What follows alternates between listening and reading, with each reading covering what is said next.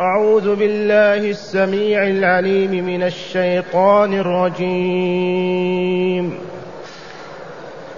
بسم الله الرحمن الرحيم. يا أيها الناس اتقوا ربكم إن زلزلة الساعة شيء عظيم. يوم ترونها تذهل كل مرضعة عما أرضعت وتضع كل ذات حمل حملها وترى الناس سكارى وما هم بسكارى ولكن عذاب الله شديد. ومن الناس من يجادل في الله بغير علم ويتبع كل شيطان مريد. كتب عليه أنه من تولاه فأنه يضله ويهديه إلى عذاب السعير. معاشر المستمعين والمستمعات من المؤمنين والمؤمنات. قول ربنا جل ذكره يا أيها الناس هذا نداء الله. هذا نداء الله خالقنا ورازقنا وخالق كل شيء ورب كل شيء وملكه. ينادينا بعنوان عام يشمل الأبيض والأسود والعربي والعجمية والذكر والأنثى والمؤمن والكافر إذ كلهم ناس يناديهم فيقول جل ذكره يا أيها الناس نقول لبيك اللهم لبيك مر نفعل. إنها نترك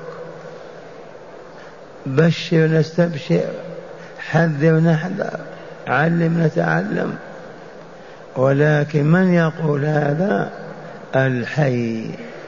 أما الميت لا يسمع ولا يعي. الرحمن جل جلاله ينادي البشرية كلها. يا أيها الناس ناداهم ليأمرهم بتقواه. هذه علة النداء. لمن نادانا؟ يا أيها الناس اتقوا ربكم. وربنا ليس إلا هو. هل هناك من يشير إلى شجرة أو نخلة؟ أو بهيمة أو إنسان أو جبل أو تل يقول هذا خالقي؟ لا يوجد تحت السماء. من يستطيع أن يشير إلى كائن ويقول هذا ربي الذي خلقني؟ والله ما كان. إذ هذه كلها مخلوقات. اتقوا ربكم. بما نتقيه تعالى. اتقوه بمعنى اتقوا عذابه وسخطه وغضبه وعدم رضاه. لأنكم ضعف عجز لا تقدرون على شيء. فكيف تتعرضون لغضبه؟ وإذا غضب عذب وعذاب الله لا يطاق. لا في الدنيا ولا في الآخرة. والسؤال نتقي عذابه بماذا؟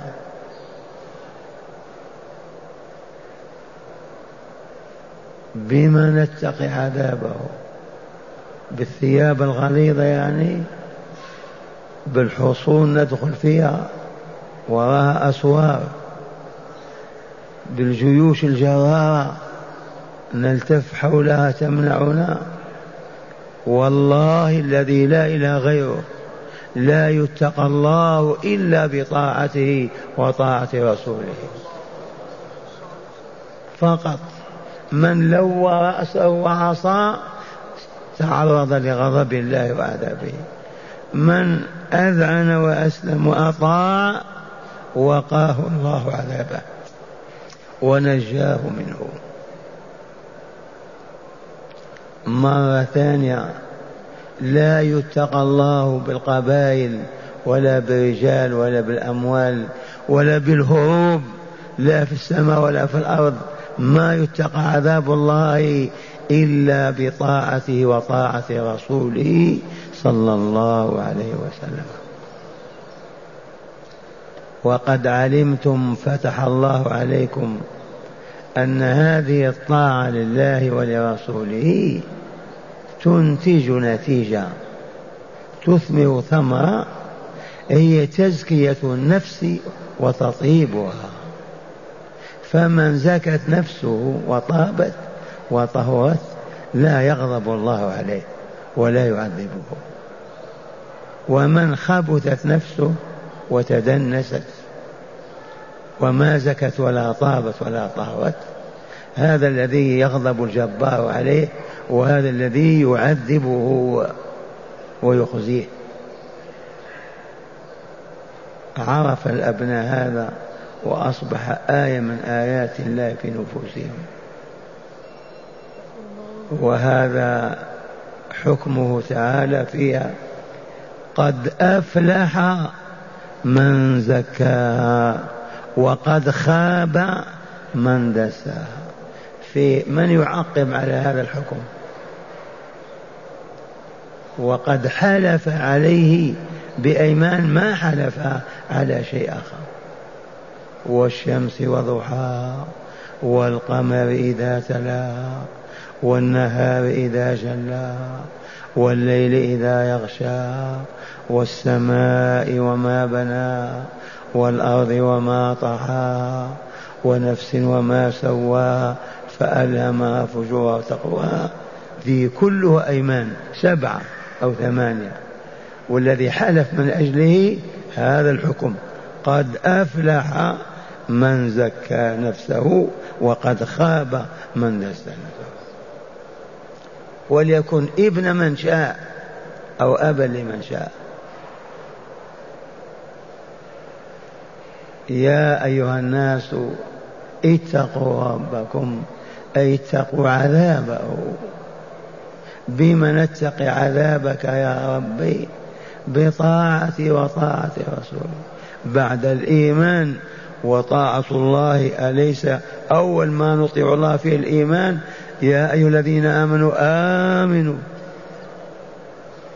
أول شيء الإيمان. وقد أمر الله به وفرضه وجاء به رسول الله وأمر به. فطاعة الله ورسوله تشمل الإيمان بمعنى العقيدة والعمل الصالح وتشمل الكفر والشرك المنهي عنهما والمعاصي. فالطاعة فعل المحبوب لله وترك المكروه لله. تريد أن تطيع؟ افعل ما أحب الله فعله وتجنب وابتعد عما كره الله فعله.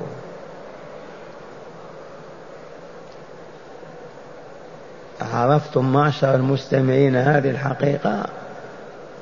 يبقى يضاف إليها أن يقول الرجل أنا ما عرفت ما يحب الله ولا ما يكره.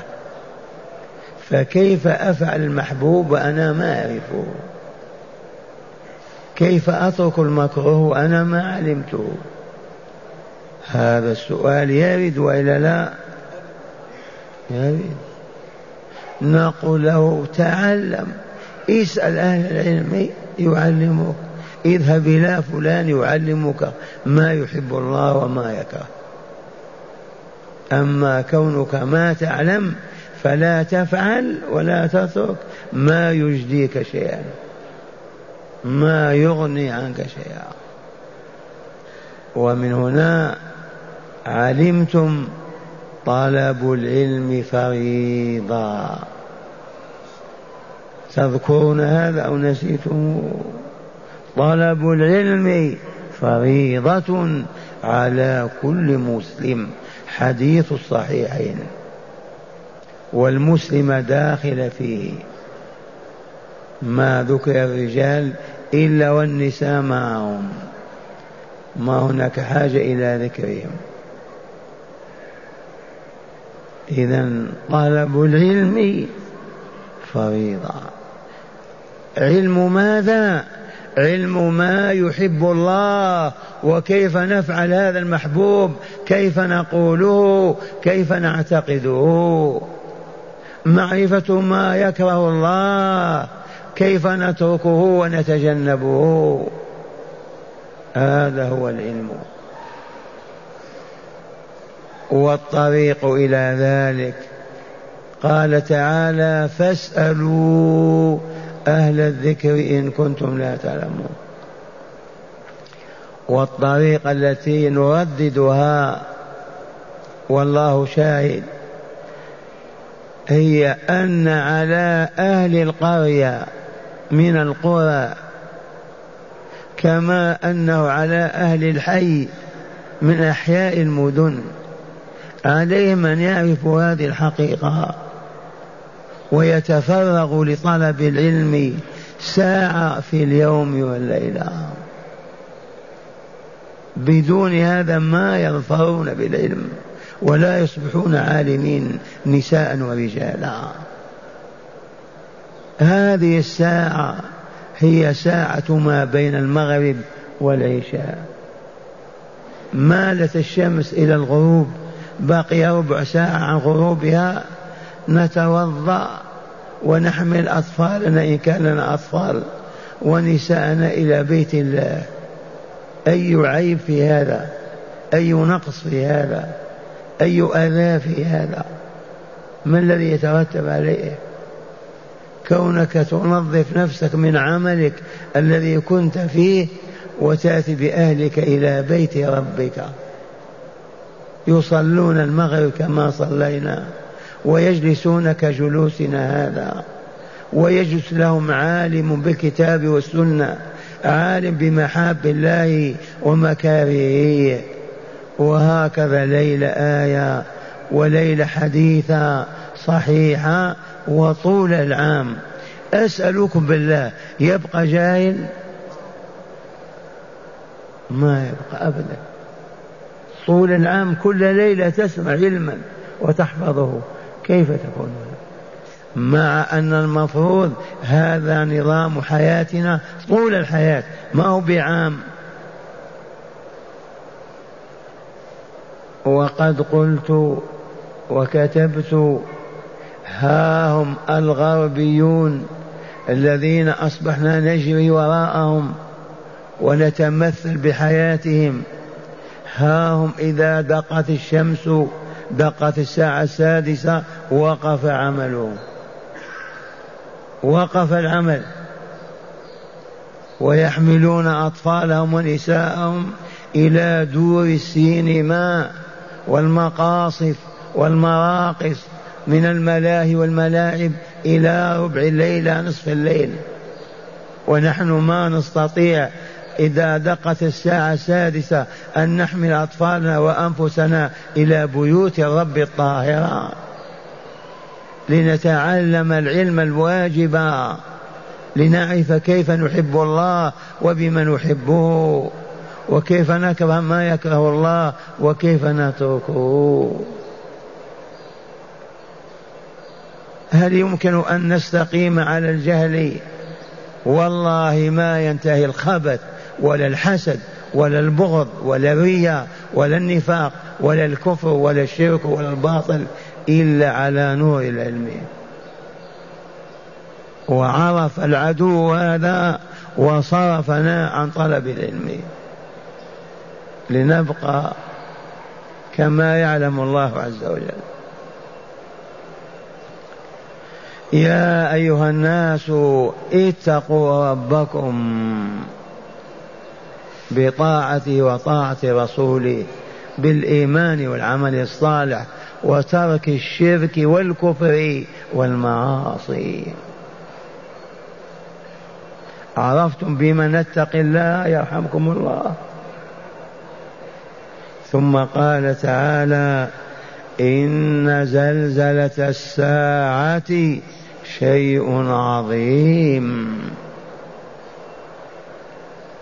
إن زلزلة الساعة يعني زلزلة الأرض شيء عظيم. وقد صليتم المغرب وسمعتم إذا زلزلت الأرض زلزالها المعهود والمعروف إذا زلزلت الأرض زلزالها وأخرجت الأرض أثقالها وقال الإنسان ما لها يومئذ تحدث أخبارها بأن ربك أوحى لها. يومئذ يصدر الناس أشتاتا إلى أين؟ ليروا أعمالهم. فمن يعمل مثقال ذرة خيرا يرى ومن يعمل مثقال ذرة شرا يرى. إذا وقعت الواقعة ليس لوقعتها كاذبة خافضة رافعة. متى؟ إذا رجت الأرض رجا وبست الجبال بسا فكانت هباء منبثا. وهكذا. الحاقة ما الحاقة الساعة القيامة. إذا يقول تعالى اتقوا الله. لماذا؟ علل لنا. لأن من لم يتقي ربه يعذبه بعذاب النار. متى يقع هذا العذاب؟ إذا زلزلت الأرض. إن زلزلة الساعة شيء عظيم. المراد من الساعة ساعة القيامة ساعة نهاية هذه الحياة. الآن نعيش ساعات وإلا لا؟ الآن الساعة السابعة والثامنة تنتهي بالتاسعة. لا بد وأن تنتهي هذه الحياة بساعة معينة وهذه الساعة لا يعلمها إلا الله. ثقل أمرها في السماء والأرض. لا يعرفها ملك مقرب ولا نبي مرسل. أخفى الله قيام الساعة على الخليقة كلها الملائكة والإنس والجن. إن زلزلة الساعة شيء عظيم شيء عظيم. كيف نصفه؟ كيف نعرفه؟ أمر ما يطاق.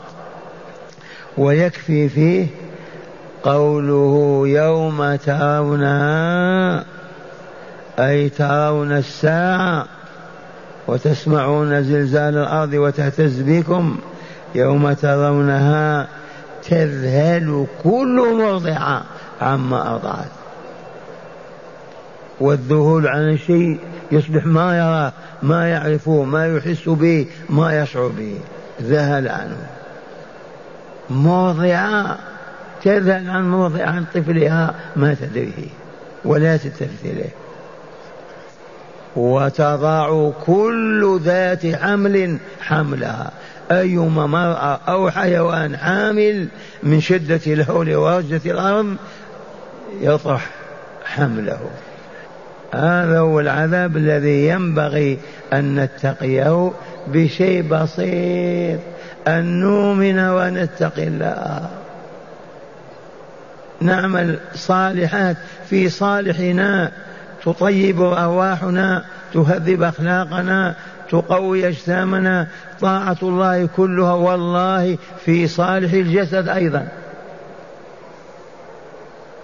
ولكن الشياطين هي التي حرمت الناس من هذا. إن زلزلة الساعة شيء عظيم.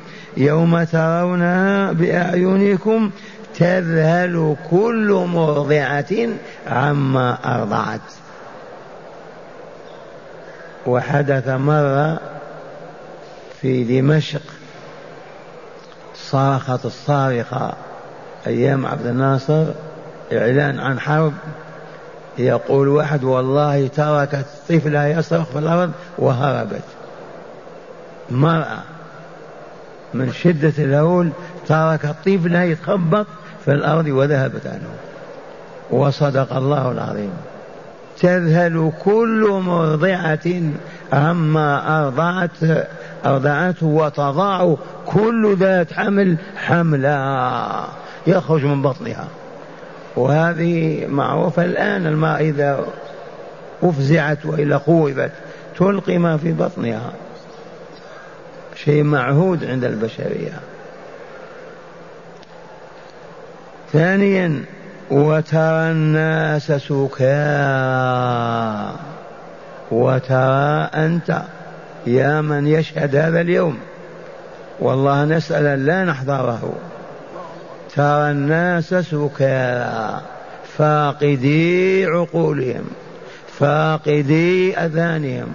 فاقدي كل شيء إلا أبدانهم تايا. والسكارى جمع سكران.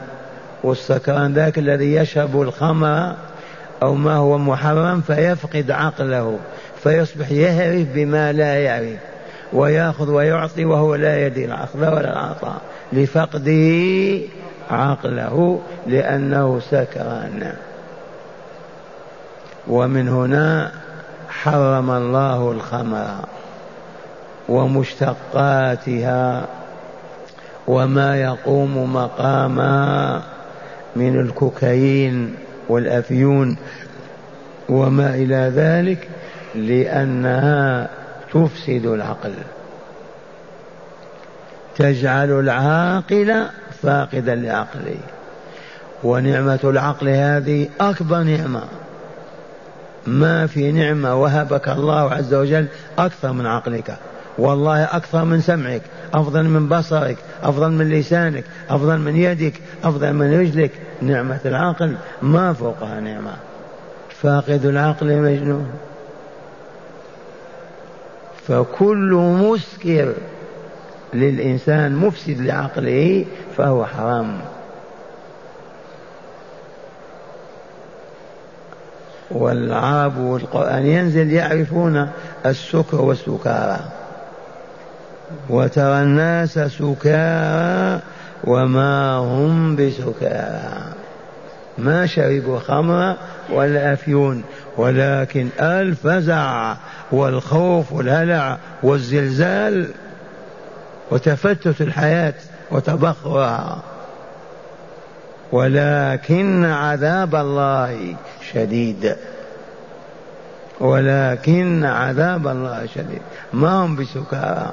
ولكن العذاب الشديد جعلهم كالسكارى بل أشد من السكارى. تايهين هذا داخل وهذا خارج هذا هابط وهذا طالع ما يدري. وحدث لنا مرة في الحرب العالمية الثانية بالديار الجزائرية بالعاصمة جاءت طائرة ألمانية وألقت صاروخ اهتزت البلاد. فصرخت الصواريخ والله كأن القيامة قامت. هذا طالع للبيت وهذا هابط. هذا جاي من هذا راجع. لا يدرون أين يذهبون. وصدق الله العظيم. وترى الناس سكارى وما هم بسكارى ولكن عذاب الله شديد. والله نسأل أن يقينا مثل هذه الأيام وأن يحفظنا منها. عرفتم السر في الأمر بتقوى الله وإلا لا؟ يا أيها الناس اتقوا ربكم. قولوا لماذا؟ إن زلزلة الساعة شيء عظيم. يوم ترونها تذهل كل مرضعة عما أرضعت. وتضع كل ذات حمل حملا وترى الناس سكارى وما هم بسكارى. ولكن عذاب الله شديد. ما يطاق. وهذا الذي سمعتم عند الساعة. يحدث نظيره في بعد بعد النفخة الثانية. والناس في عرصات القيامة. هذا الهول الذي سمعناه في الدنيا. أليس كذلك؟ عند قيام الساعة. وإذا نفخ إسرافيل في الصور وقمنا من قبورنا وجئنا كما خلقنا الله والله تحدث هذه الأهوال كما حدث عند قيام الساعة. واسمعوا رسول الله يقول. روى الترمذي صاحب السنن وصححه عن عمران بن حسين صاحب جليل رضي الله عنه. ماذا روى؟ روى أن النبي صلى الله عليه وسلم لما نزلت لما نزلت يا أيها الناس اتقوا ربكم إن زلزلة الساعة شيء عظيم. إلى قوله الشديد لكن عذاب الله شديد. قالوا أنزلت عليه في سفر في غزوة من الغزوات معروفة. نزلت هذه الصورة وقد قلنا هذه الصورة سفر وحضر ومكة ومدينة وفي سفر. فقال أتدرون ما في ذلك قالوا الله ورسوله أعلم. قال ذاك يوم يوم يقول الله تعالى ذلك يوم يقول الله تعالى لآدم ذلك يوم يقول الله تعالى لآدم ابعث بعث النار. ابعث بعث النار. قال يا ربي آدم يا رب وما بعث النار؟ قال تسعمائة وتسعة وتسعون إلى النار وواحد إلى الجنة. هذا اليوم هذا كهذا اليوم يقع فيه هذا الكرب العظيم. قال فأنشأ المسلمون يبكون. لما بلغهم الرسول هذا الخبر أخذوا يبكون. فقال رسول الله صلى الله عليه وسلم قلوا فقال رسول الله قاربوا وسددوا قاربوا الوصول إلى الجنة بالأيمان وسددوا العمل. يعني ما تكربوا وتحزنوا. قاربوا وسددوا. فإنه لم يكن فإنه لم تكن نسمة نعم نعم فإنه لم تكن نبوة قط إلا كثر إلا كان من من يتبعها بين يديها جاهلية. يعني ما تكربوا ولا تحزنوا إنه ما كانت نبوة من النبوات. عيسى موسى إبراهيم نوح إلا وبين يديها جاهلية. فالصالحون واحد في المئة أو واحد في الألف. إلا كان بين يديها جاهلية. قال فيؤخذ العدد 999 من الجاهلية. فإن تمت وإلا أخذ من المنافقين. وما مثلكم أنتم أيها المؤمنون المحمديون والأمم إلا كمثل الرقم في ذراع الدابة أو كالشامه في جنب البعير. نقطة. هذه نسبتكم. وفي حديث كشعر بيضاء في ثور أسود. ثم قال إني لأرجو أن تكونوا ربع أهل الجنة. فكبروا. الله أكبر. ثم قال إني لأرجو أن تكونوا ثلث أهل الجنة. فكبروا. الله أكبر. ثم قال إني لأرجو أن تكونوا نصف أهل الجنة. فكبروا. الله أكبر. قال لا أدري الراوي قال الثلثين أم لا. سمعتم هذه الحادث هذا الحديث بمعنى أن القرآن حمال الوجوه. فهذه الآية عرض في الدنيا وعرض في الآخرة ويقع هذا وذاك كلاهما في وقته المعين له. هذا معنى قوله تعالى وتضع كل ذات حمل حملها وترى الناس سكارى وما هم بسكارى ولكن عذاب الله شديد. ثم قال تعالى ومن الناس والعياذ بالله اللهم لا تجعلنا منهم. ومن الناس المطالبون بالإيمان والعمل الصالح المطالبون بتطهير نفوسهم لدخول الجنة. مع الأسف منهم ناس من يجادل في الله بغير علم. والعياذ بالله. بدل أن يؤمن ويطيع يجادل في الله وينسب إلى الله أشياء باطلة ويقول فيه المنكر والعياذ بالله. وهذه نزلت في النضر بن الحارث. سبق أن علمتم كان رسول الله صلى الله عليه وسلم عند الصفا فجاء بعظم وفتته وقال تزعم يا محمد أن ربك يحيي هذا بعدما فتته. ونزل فيه من آخر سورة ياسين وضرب لنا مثلا ونسي خلقه. قال من يحيي العظام وهي رميم؟ الجواب يحييها الذي أنشأها أول مرة وهو بكل خلق عليم الذي جعلكم من الشجر الأخضر نارا فإذا أنتم توقدون. فهذا الطاغي هذا وأمثاله كثير. ومن الناس من يجادل في الله بغير علم لا يحل لمؤمن ولا مؤمنة ولا إنسان ولا جان أن يتكلم عن الله بدون علم. قاعدة عامة. حرام في حرام. أن تقول عن الله في صفة في ذات في حكم وأنت ما تدري. لا تقول عن الله إلا ما علمت من طريق كتابه وطريق رسوله صلى الله عليه وسلم. ومن الناس من يجادل في الله بغير علم ويتبع كل شيطان مريد ممسوخ لا خير فيه بالمرة.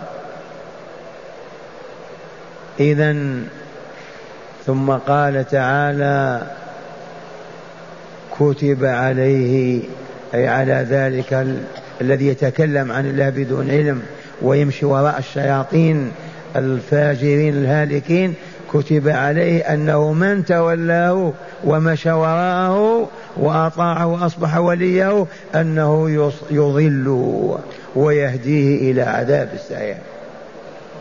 مرة ثانية يوجد من الناس اليوم وغدا وقبل اليوم وعلى عهد نزول الآيات من يجادل في الله بغير علم والعياذ بالله ويتبع كل شيطان مريد كل ما يوسوس الشيطان ويزين قبيحة من القبائح ظلم شر فسق يمشي وراءه ويتبعه. والمريد الممسوح الذي ما فيه خير بالمرة. كتب على هذا الشيطان قضاء وقدرا أن من تولاه وأصبح وليه يمشي وراءه ويقول بقوله ويدعو بدعوته أنه يضله عن الطريق ويهديه إلى عذاب السعير. والله العظيم. ومن الناس من يجادل إنسان يجادل في الله بغير علم. وقد علمتم أنه لا يحل لمؤمن ولا مؤمنة أن يقول عن الله أو في الله إلا ما كان على علم من الكتاب أو السنة. هذا الطاغي النضر بن الحارث يقول على الله له ولد وله شريك وله كذا ويكذب على الله عز وجل وأنه لا يستطيع أن يحيي الموتى وما إلى ذلك. ويتبع كل شيطان مريد. الجري وراء الشياطين واتباعهم والشياطين من الإنس والجن وإلا لا. الذي يتبع فاسق فاجر لص مجرم ويمشي وراءه سيمسخ ويصبح مثله. كتب على هذا الشيطان المريد أنه من تولاه ومشى وراه وجعله وليه فأنه يضله عن الحق ويبعده عنه ويهديه إلى عذاب السعير والعياذ بالله تعالى. نعوذ بالله من عذاب السعير أسمعكم الآيات مرة ثانية. يا أيها الناس اتقوا ربكم إن زلزلة الساعة شيء عظيم يوم ترونها تذهل كل مرضعة عما أرضعت وتضع كل ذات حمل حملها وترى الناس سكارى وما هم بسكارى ولكن عذاب الله شديد. ومن الناس من يجادل في الله بغير علم ويتبع كل شيطان مريد. كتب عليه كتب عليه أن من أنه من تولاه تولى الشيطان يعني صار وليه فأنه يضله عن الحق ويهديه إلى عذاب السعير. والعياذ بالله تعالى. هداية الآيات. لكل آية هداية وإلا لا؟ كل آية لها هداية قطعا لأن الآية العلامة تدل على شيء. قال من هداية الآيات أولا تقرير عقيدة البعث والجزاء بذكر أحوالهما وأهوالهما. أول شيء تقرر الصور عقيدة البعث والجزاء وإلا اتقوا ربكم إن زلزلة الساعة شيء عظيم. تقرير عقيدة البعث الآخر والجزاء على العمل في هذه الدنيا. ثانيا حرمة الجدال بالباطل لإدحاض الحق وإبطاله. حرام على العبد أن يجادل بالباطل من أجل أن يظهر الحق ويبطل الحق. ومن الناس من يجادل في الله ما هو بيان؟ إذا حرمة الجدال بالباطل لإدحاض الحق وإبطاله. ثالثا حرمة الكلام في ذات الله وصفاته بغير علم من وحي إلهي أو كلام أو كلام نبوي صحيح. حرمة الكلام في ذات الله لا تقل كذا وكذا وصفات الله كذا وكذا بغير علم من وحي الكتاب أو قول النبي صلى الله عليه وسلم. من أين أخذنا هذا؟ يجادل في الله رابعا وأخيرا موالاة الشياطين واتباعهم. يفضي بالموالي المتابع لهم يفضي به والله إلى جهنم وعذاب السعير.